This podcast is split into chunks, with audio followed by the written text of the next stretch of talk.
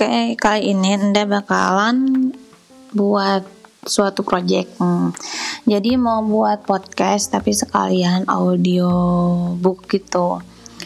Nah, tapi nggak akan bakalan diselesaikan sebukunya paling setengah atau tiga perempatnya lah ya. Harapannya kenapa nggak diberesin biar teman-teman semua juga punya insight lah ya dan bisa selesai baca sendiri gitu. Jadi teman-teman harapannya nanti bisa baca sendiri tentang buku tersebut.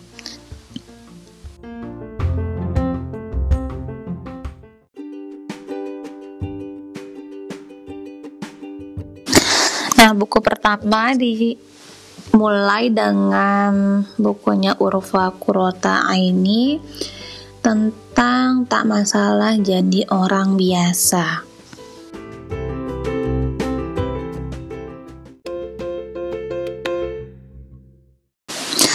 Okay. diawali dengan prakatanya dulu ya teman-teman semua ya. Bismillahirrahmanirrahim. Kita mulai. Ketika kaki kita siap untuk berlari cepat, dunia justru melambat. Mungkin ini saat yang tepat untuk mensyukuri nikmat yang selama ini tak terlihat. Prakata, catatan di kala pandemi. Jika setiap pertanyaan kapan yang bersarang di benakku sejak awal pandemi adalah satu pohon durian, maka saat ini aku sudah panen bertonton buah durian. Dan aku resmi merasakan apa yang pernah sebut apa yang mereka sebut sebagai kejatuhan durian runtuh. Sesuatu yang patut aku rayakan dengan pesta durian tujuh hari tujuh malam. Itu pun kalau enggak mabuk durian.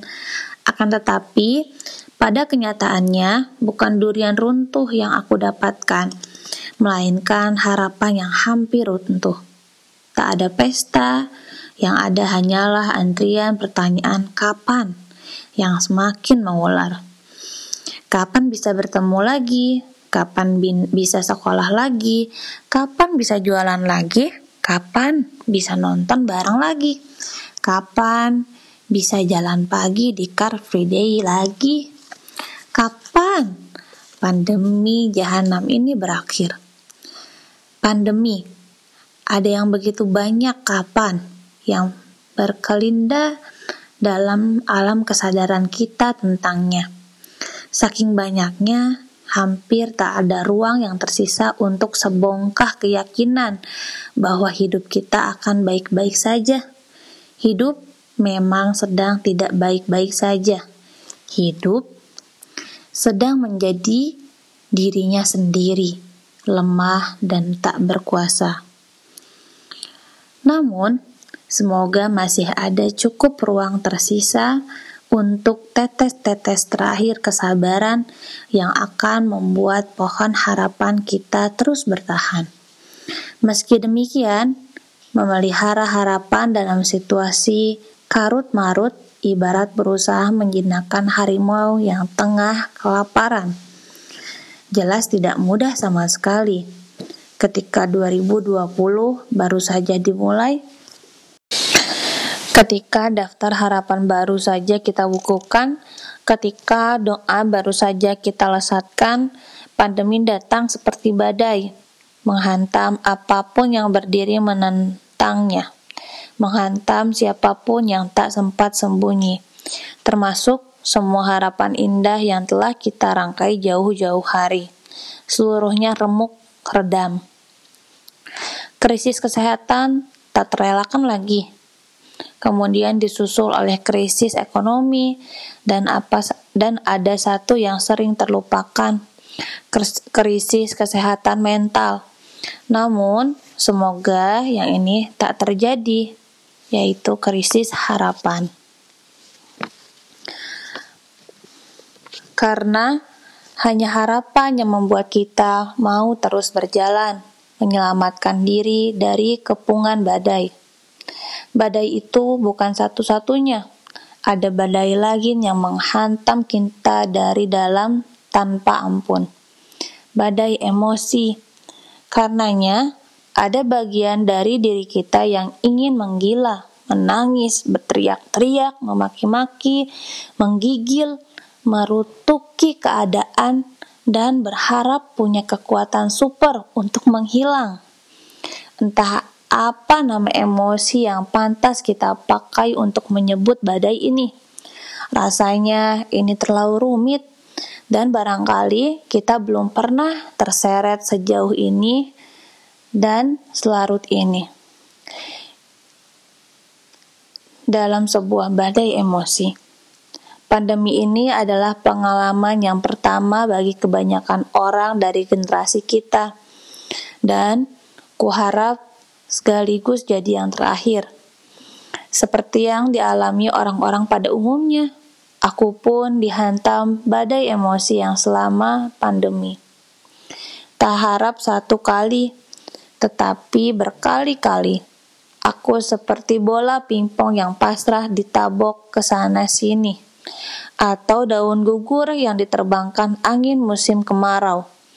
Namun, di antara hari-hari yang penuh tamparan dan ketidakpastian yang membuatku ingin menghilang sejenak, ada satu hal yang rasanya masih bisa aku syukuri ada sebuah kesadaran yang menggerakkanku sehingga membuatku berani menulis buku ini. Banyak yang berkata bahwa pandemi telah mereset alam semesta. Alam sedang menyembuhkan dirinya dari segelintir manusia rakus yang berpikir bisa memperpanjang umurnya dengan merusak bumi. Aku pikir bukan hanya alam semesta yang mengalami reset ke titik mulanya,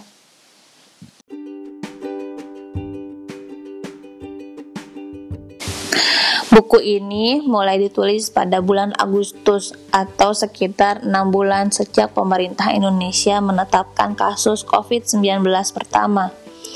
Enam bulan adalah waktu sebentar untuk menjadi master dari segala kebijaksanaan hidup. Namun, jika ada satu hikmah yang aku resapi dari perjalanan enam bulan pandemi, maka ini berbunyi,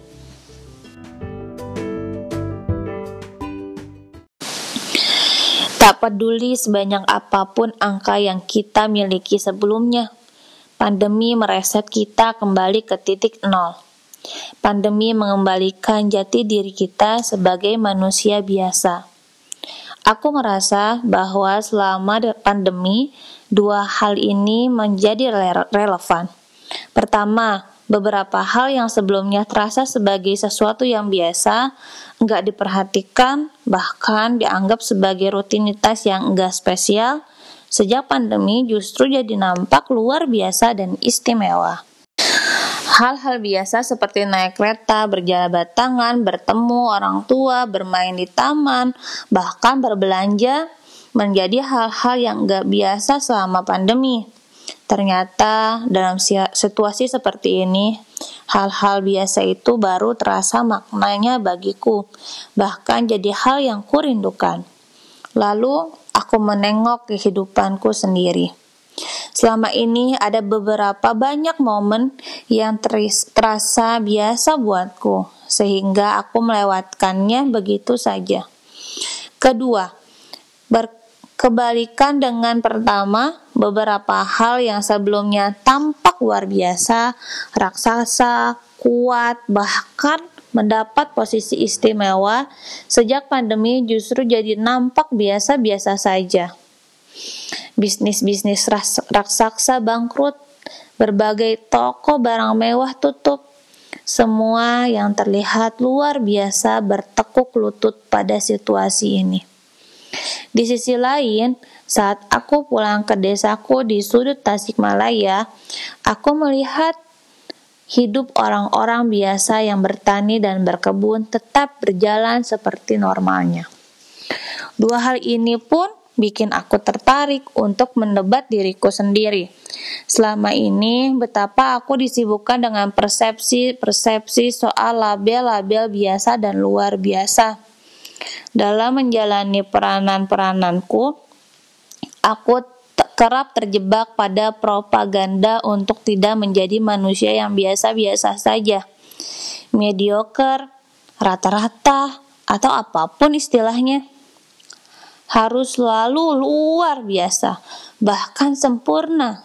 Lalu pandemi datang dan membuat segala keluar biasaan manusia menjadi sebutir debu. Mengapa dua hal itu bisa terjadi? Kupikir itulah tujuan dari sebuah kesulitan. Seringkali kita baru mendapatkan esensi hidup setelah kita diperas habis-habisan oleh penderitaan. Ibarat minyak wangi yang perlu melalui proses penyulingan untuk memisahkan minyak dan air, kotoran, dan zat-zat lainnya, kita pun kadang perlu dihadapkan pada serangkaian kejadian yang sulit untuk mendapatkan hikmah yang murni. Dengan begitu, yang tak esensial akan menguap, yang esensial tetap tinggal. Definisi soal apa yang luar biasa dan biasa pun akan terprogram ulang secara otomatis.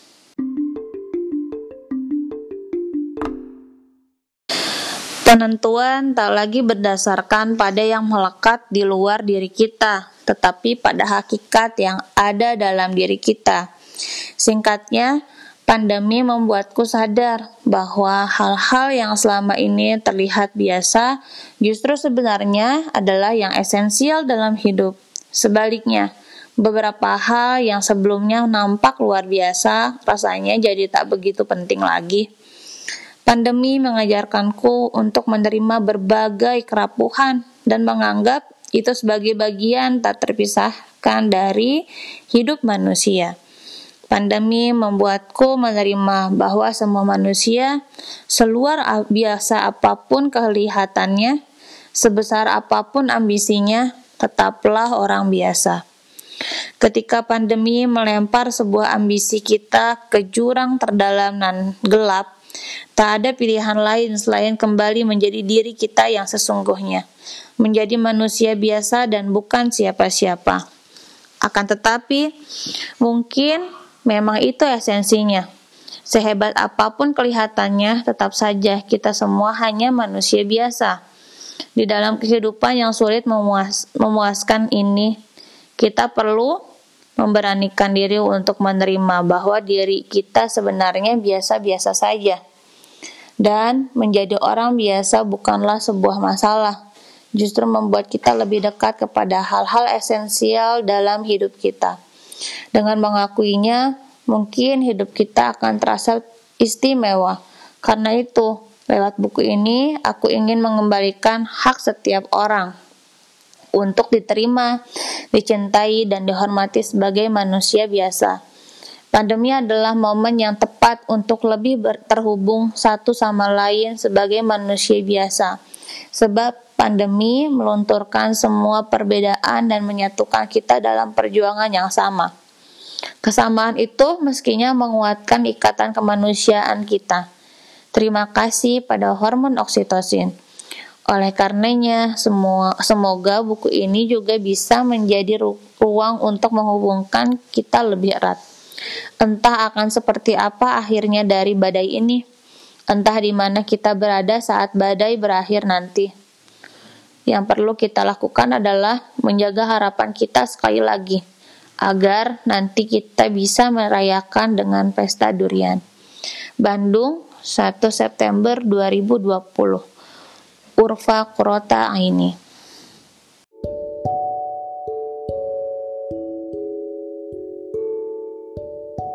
Oke, nah itu ya pengantarnya prakata.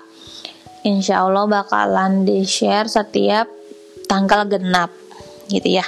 Dan gak akan semua memang dalam bukunya paling setengah atau tiga perempatnya. Oke, semoga dapetin hikmah. Coba didengarkan didengarkan saat beres-beres bisa atau di kondisi-kondisi lain. Semoga mendapatkan hikmahnya ya.